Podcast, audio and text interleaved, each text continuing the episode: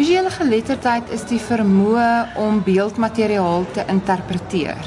Dit is baie belangrik vir mense om onderskeid te kan tref tussen verskillende handelsmerke en dus visueel geletterd te wees uit 'n advertensieoogpunt. In terme van ons media oorlaaide wêreld, is dit belangrik om diskresie te hê in terme van wat jy verbruik.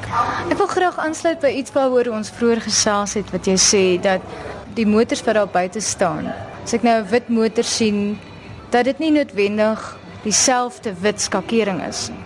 Daar is mense glo dit of nie wat se beroep is net om die kleurpalet van motorkarre te ontwikkel. En dit het alles te doen met wat jou teikenmark se behoefte is. Sien homself as jonk en edgy en avonturistig of sien homself as meer gesofistikeerd?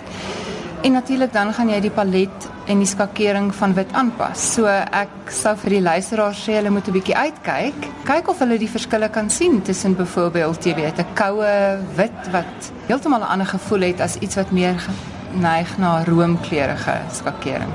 Goed, so ek nou kyk na 'n motor daar buite en ek hou baie van daai spesifieke motor met die grys skakering. Ek neem aan mense sou dit seker kon ontleed en dit is juist wat bemarkers doen.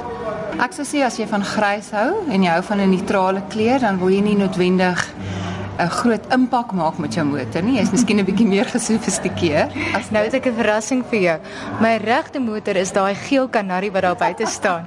Wat sê dit? Baie beslis dat jy 'n positiewe persoon is. Definitief. Kleur is eintlik 'n baie ingewikkelde onderwerp. Om 'n kleursin te ontwikkel is nie iets wat oornag gebeur nie, alhoewel ons almal gebore is met 'n affiniteit vir kleur. Kindertjies is mal oor geel en interessant genoeg het navorsing bewys dat dit die een kleur is wat soos wat jy ouer word minder mense van hou. Hoekom is dit so? Ek vermoed van dit is nogal 'n positiewe kleur. Kleur is 'n baie interessante ding in terme van persoonlike voorkeure. Jou persoonlike voorkeure word gevorm uit jou omgewing. Dit waaraan jy blootgestel is, jou oortuigings in die lewe, hoeveel wat jou inkomste is, wat tipe skool jy na toe gegaan het. Dit alles vorm deel van jou identiteit. En kleur word gebruik as 'n manier om jou identiteit uit te druk. So byvoorbeeld kan ons kyk hoe kleur ontwikkel het deur die eeue. In die 70's was daar sekere kleure wat ongelooflik modieus was. As ons terugkyk na die 1950's wat net na die oorlog was, En dan sien ons mense was mal oor roomhuiskleure, pinke, mintgroen, selfs motorkarre. En dit was omdat die mense 'n optimistiese omgewing wou skep. Soos wat tegnologie ontwikkel het, het ons baie meer klere tot ons beskikking gehad. Klere wat mens nie noodwendig in die natuur kry nie. Jy weet, ek dink soos in die 1980s het fluoresent klere baie populêr geraak, iets wat nou later weer teruggekom het. En ek dink dit het te doen gehad met die feit dat mense ewe skielik hierdie klere kon produseer vir massas. En as jy nou vandag kyk, dink wat vir my in 'n kontemporêre konteks nogal interessant is, is dat daar nou ruimte is vir mense om hulle individuele smaak uit te druk waar in die verlede was dit meer van 'n massaproduksie, um, nou is oranje die kleur, nou is alles oranje. Is daar nou verskillende strome waar jy kan inslaan?